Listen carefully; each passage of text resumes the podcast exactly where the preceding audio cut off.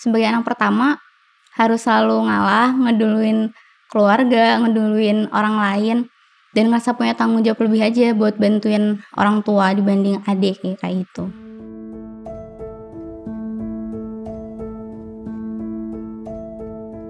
Halo, nama aku Nanda, usia 24 tahun, seorang jurnalis di Jakarta. Dan ini adalah cerita aku sebagai anak pertama. Jadi aku tuh kuliahnya 6 tahun dan lama di ngerjain skripsi. Waktu itu skripsinya tuh hampir 2 tahun sendiri karena emang di rumah waktu itu kondisinya harus ngebantuin usaha orang tua. Aku bantu usaha orang tua di bidang makanan, jadi kita produksi. Itu memang kurang pekerja, jadi harus aku yang bantu orang tua. Tiap hari emang berhadapannya sama panas kompor, minyak, angkat-ngangkat gas, wajan segala macem tapi emang waktu itu yang bikin capek itu karena kayak harus oper-operin barang atau terus kadang juga kayak ngurusin yang pekerjanya kayak gitu kan. Dan itu tuh gerak terus gitu aktivitas fisik emang dari pagi sampai sorean sekitar jam 4 atau jam 3 gitu. Habis itu juga masih harus lanjut bantuin kerjaan rumah tangga lain kayak masak dan macem-macem. Jadi emang banyak waktu yang kesita dan waktu yang buat istirahat dan bisa buat skripsian itu cuma dikit banget, pendek waktunya. Jadi itu yang bikin lama waktu itu. Aku ngerasa sedih sih karena nggak bisa lulus tepat waktu. Terus juga ngerasa lebih sedih lagi karena memang waktu itu harus ada ngebantuin orang tua. Jadi ngerasa punya tanggung jawab double sih waktu itu. Dan itu yang sulit dikerjain. Apalagi kalau ngeliat teman-teman lain tuh bawaannya kayak kenapa ya aku nggak kayak mereka aja yang bisa fokus skripsian, kenapa harus punya tanggung jawab lain aku itu di keluarga orang pertama yang bisa kuliah. Jadi waktu itu juga ngerasa punya tuntutan untuk lulus tepat waktu, cum laude dan semacamnya, tapi gak bisa meraih itu sih waktu itu. Sempat cerita sih ke orang tua kalau ya kalau bisa sih beban aku ngebantu ini dikurangin sedikit.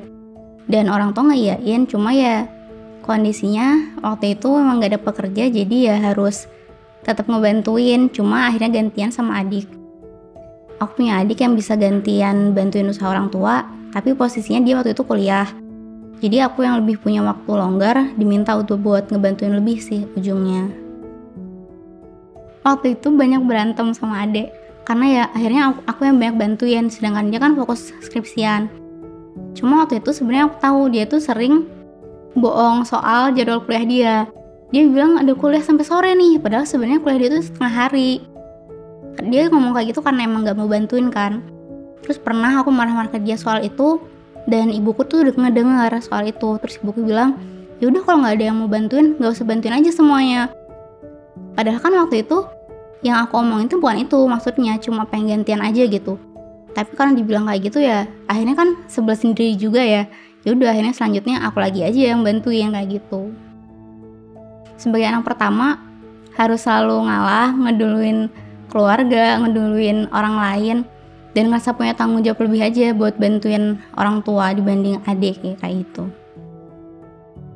Yang aku rasain tiap hari itu ya ada rutinitas yang menjemukan banget ya sebenarnya dan bikin jemu dan bikin capek. Dan ngerasa ya inilah kegiatan aku selamanya. Waktu itu ngerasa kayak gitu karena ngerasa nggak ada perubahan dan bener-bener jenuh banget sampai stres sendiri juga. Aku pernah ada di titik di mana aku ngerasa ketinggalan banget dari teman-teman yang lain dan karena aku ngerasa ketinggalan, akhirnya aku menarik diri dari mereka. Aku ngilang dari media sosial, nggak bisa dihubungin. Terus di hadapan keluarga juga aku menaik diri akhirnya karena juga merasa gagal kan sebagai anak. Dan karena aku ngerasa gagal juga sebagai anak nih, aku ngejauh dari keluarga dengan cara aku ngekos tapi kosanku ini jaraknya cuma tiga rumah dari rumah asliku. Bener-bener itu kosan tetangga yang ditempatin.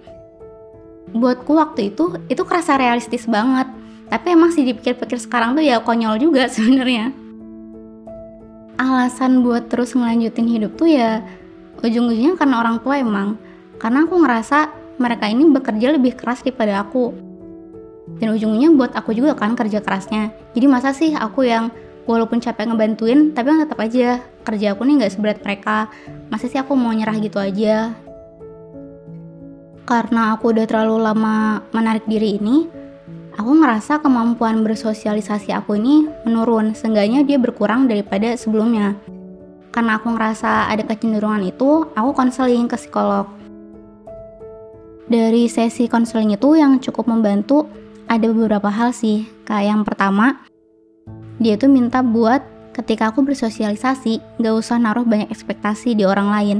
Jadi biarin ngalir aja. Itu yang akhirnya aku terapin sekarang. Terus juga buat mulai self talk yang positif sama diri sendiri. Itu juga aku lakuin sih sampai sekarang. Akhirnya bisa jujur sama orang tua kalau aku butuh waktu lebih untuk prioritasin skripsi itu ketika aku udah lihat teman-teman yang lain lulus dan emang posisinya saat itu aku ini emang orang terakhir di antara teman-teman dekat yang lulus. Jadi emang gak mau emang harus ngerjain saat itu juga.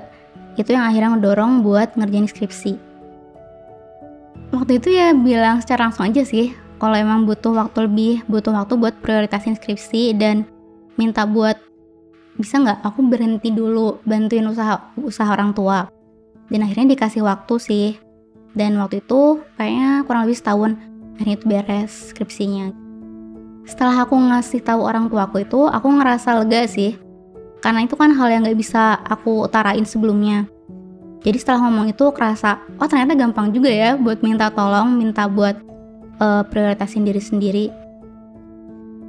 Kalau nggak ada kejadian itu, bisa jadi aku masih nggak bisa memprioritaskan diri sih. Bisa jadi aku masih ngedulin orang lain, ngalah kayak gitu sih.